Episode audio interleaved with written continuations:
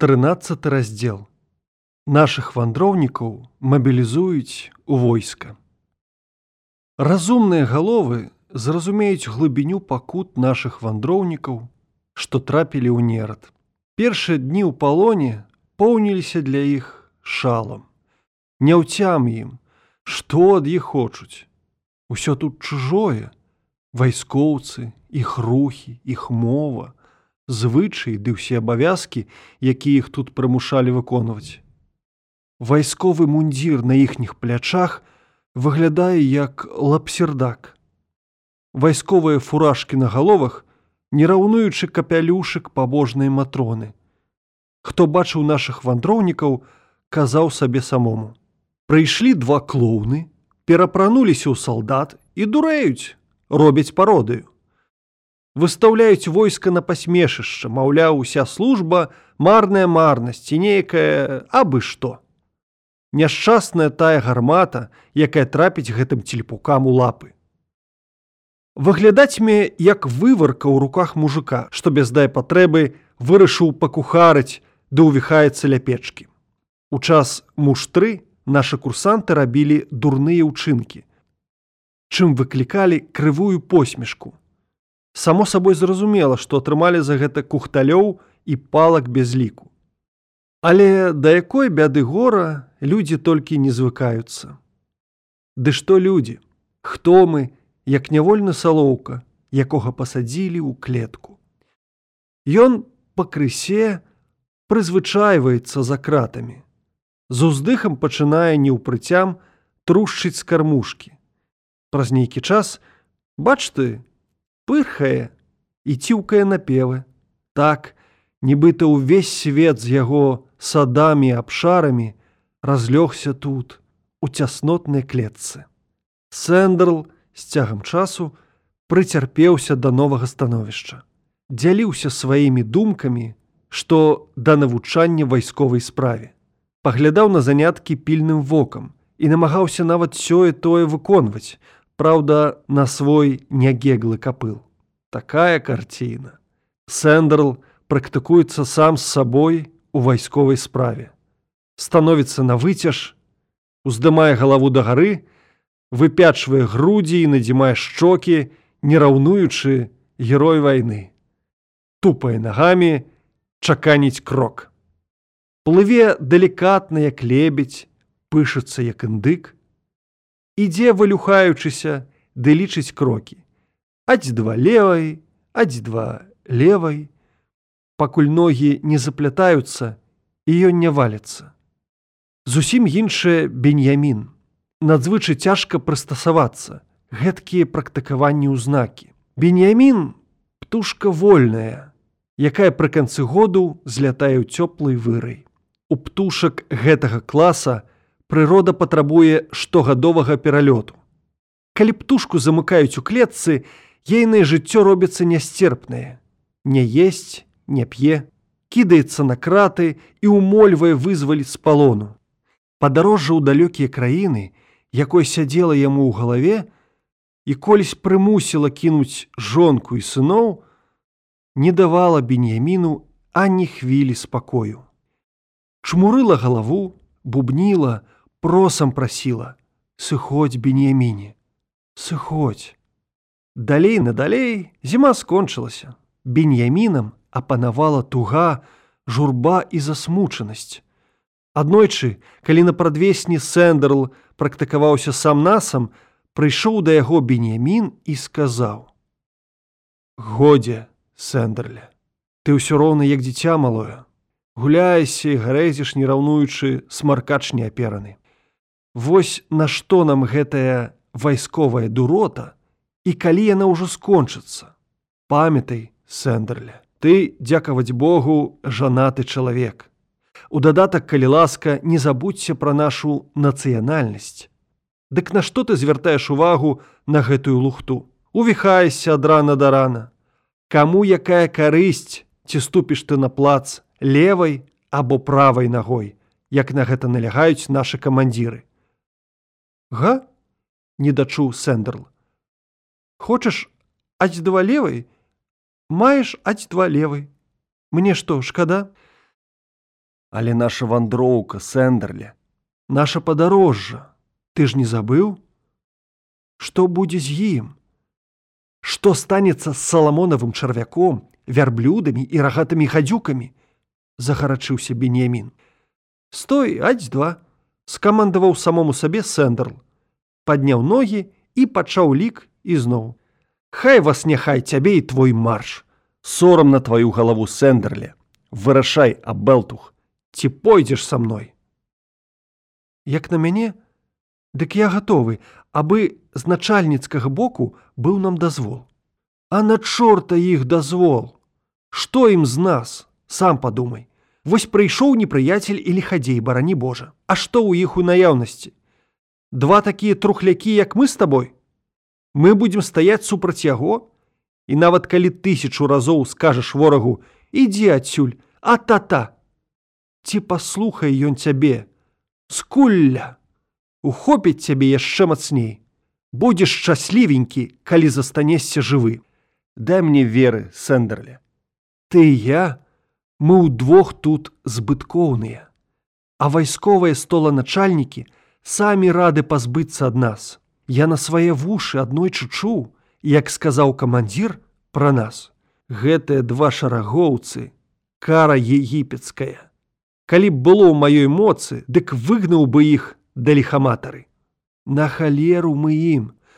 Далі Бог, што ўся гэтая сітуёвіна нешто іншае як памылка і кепскі гешэфт для абодвух бакоў. Нешчаслівы шлюб. Мы ім не прыносім карысці, а яны нам. І тыя нашы суродзічы, што выдалі нас ім. Відаць, распісалі нас, маўляў, якія мы героі, ваякі, стратегі, Але ж тыя нашы суродзічы ашуканцы. Дык прычым тут мы. Нас жа таксама тыя круцялі шукалі. Мэта нашага прыходу сюды была, каб пажабраваць, сабраць трохі грошыкаў ад дабрадзеяў, ды пайсці сабе далей. Пра службу і мундзіру ўвогуле дамовы не было. Мама і таткам магу прысягнуць перад кім заўгодна. А хапаць людзей увогуле непрыгожа. Іх ашукалі, нас ашукалі. Дык дзе тут наша віна? Яны са свайго боку не павінны за нашу памылку. І мы са свайго не вінаватыя за сваю. Вінаваты ў гэтым нашы суродзічы, ашуканцы і лихадзеі. Яны абдурылі абодва бакі, уся віна на іх, а нас нельга затрымліваць. Але калі мы нават пра гэта скажам, хто нас будзе праз гэта з войска звальняць? Таму ад гэтага толькі адна рада уцёкі цішком нішком дазволаў на ўцёкі браць не трэба і што рабіць беньяміне запытаўся сэндерл уцякаць была засватана а цяпер зноўку у дзеўках як на мяне дык паводле суду і паводле сумлення трымаць нас нельга. А таму слёз ліць на развітанне не варта. Я з табой згодны. Развітвацца залішне. Выйдзем, як уцякалі з дому, цішком нішком, без развітанняў. Мы ж нават нашых жонак і сыноў не цалавалі на дарогу. Калі вызначыліся наконт уцёкаў, сталі раецца пра план. Кроў у жылах беньяміна каляхуе, віруе, буркоча, не раўнуючы курыца, якой на прадвесні не церпіцца высидзець яйкі. На гэтулькі глыбока занурыўся беньямін, у салодкія развагі, ажно не бачыў і не чуў, што рабілася навокал. Побач мінае афіцэр, а ён не адчувае і не дае павагу і атрымлівае поуху ды кухталя па макаўцы. Але Беньямін не звяртае ўвагі ды не варушыцца, так нібыта і не яму яны прызначаюцца. Звяртаюцца да яго падчас збройных практыкаванняў, але сказанае ў вушы не трапляе. Яго галаву запаланіла толькі падарожжа ў дальнія далі. І думка лунае ў надхмар'ях і сягае далёкіх краёў. Далей надалей, а поўначы, калі ўсе вайскоўцы спалі ў казармах, пракраўся беньямін на дыбачках да ложках сэндерла і зашаптаў яму на вушка.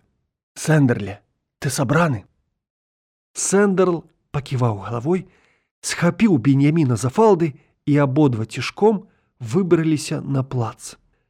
З надворку вее гарачы ветер, чорныя хмары цугам лятуць па небе, не раўнуючы тысячы фурманаў, нагружаныя даверху, едуць на сваіх драбінах.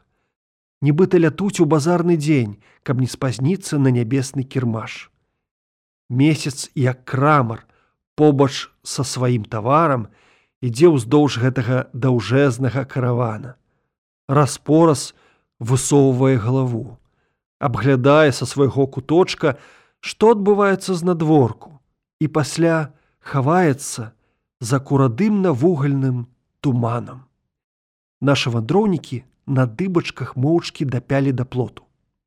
Караскаюцца на дрэва і саскокваюць адтуль наверх плоту.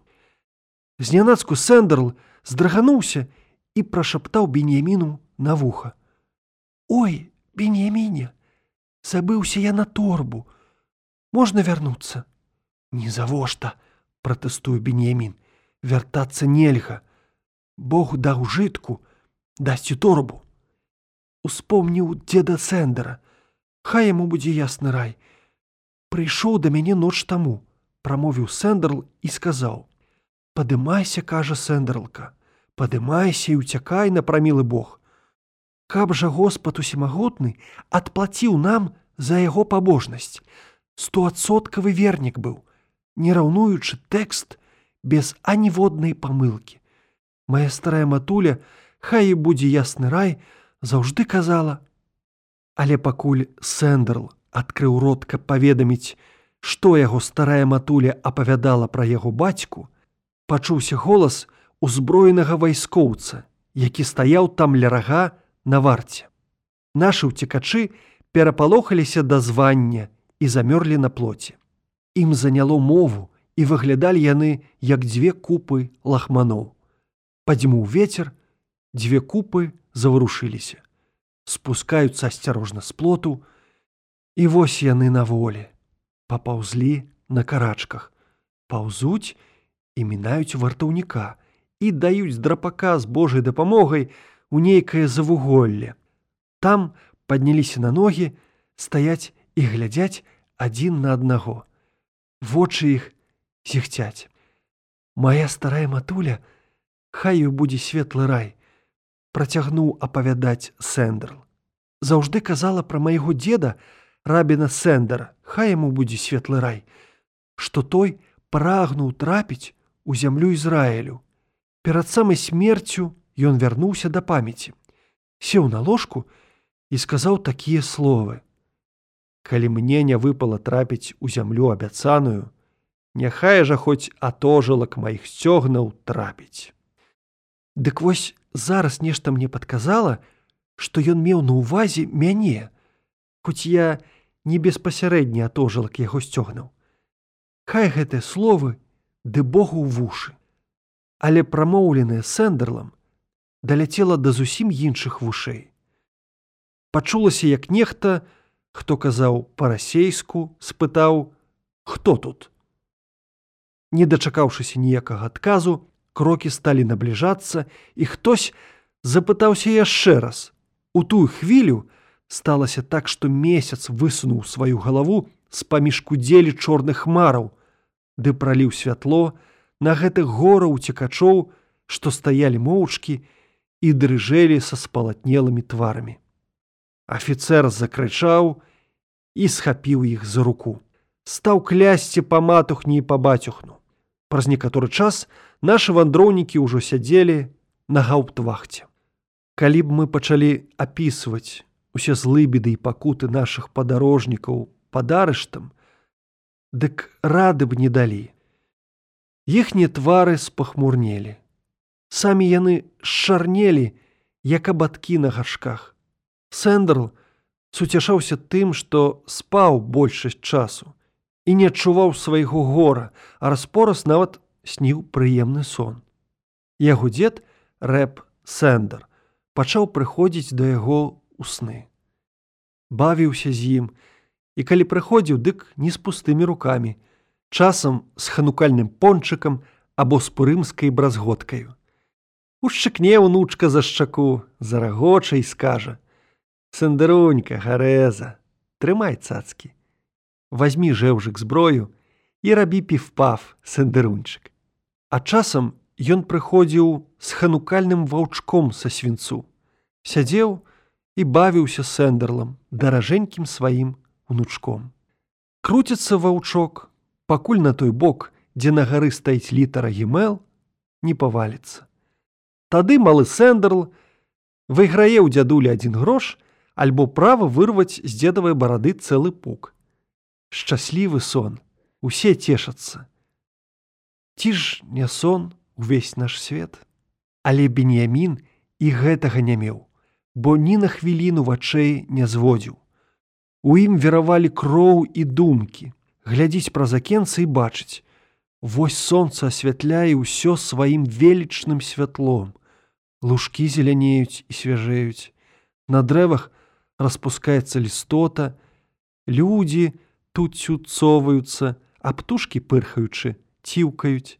Час спеваў і пара вандроўкі, а ён увязенены ў турме і не можа вырушыць у дарогу. Ад смутку і журбы цела беньяміна працінае дрыготка – Хапаецца ён за галаву, пакуль цела ўздрыгваецца ў збянтэжанасці і паніцы, ды галосіць з горачу. Ой гвал, той ратуйце, ой-ой-ой, чаму вы так са мною? Божа літасці вы, За што мне гэта і з якое прычыны? Пра персанал капыльскай лазні. Яшчэ пару словаў ад перакладчыка у абарону сапраўднай літвацкай лазні, якую незаслужана абылгалі зламысныя хапёры ў папярэднім 12 раздзеле. Паводле ўспамінаў прыгаданага вышэй літаратара аброма паперна, лазня ў капылі ва ўсе іншыя дні акрамя мыцейных пятніцы і суботы працавала як свечкавы заводзік, дзе нехта лазнік піньке вырабляў танныя свечкі. Толькі дадамо, што гэта былі не ўсе заняткі капыльскага умельца.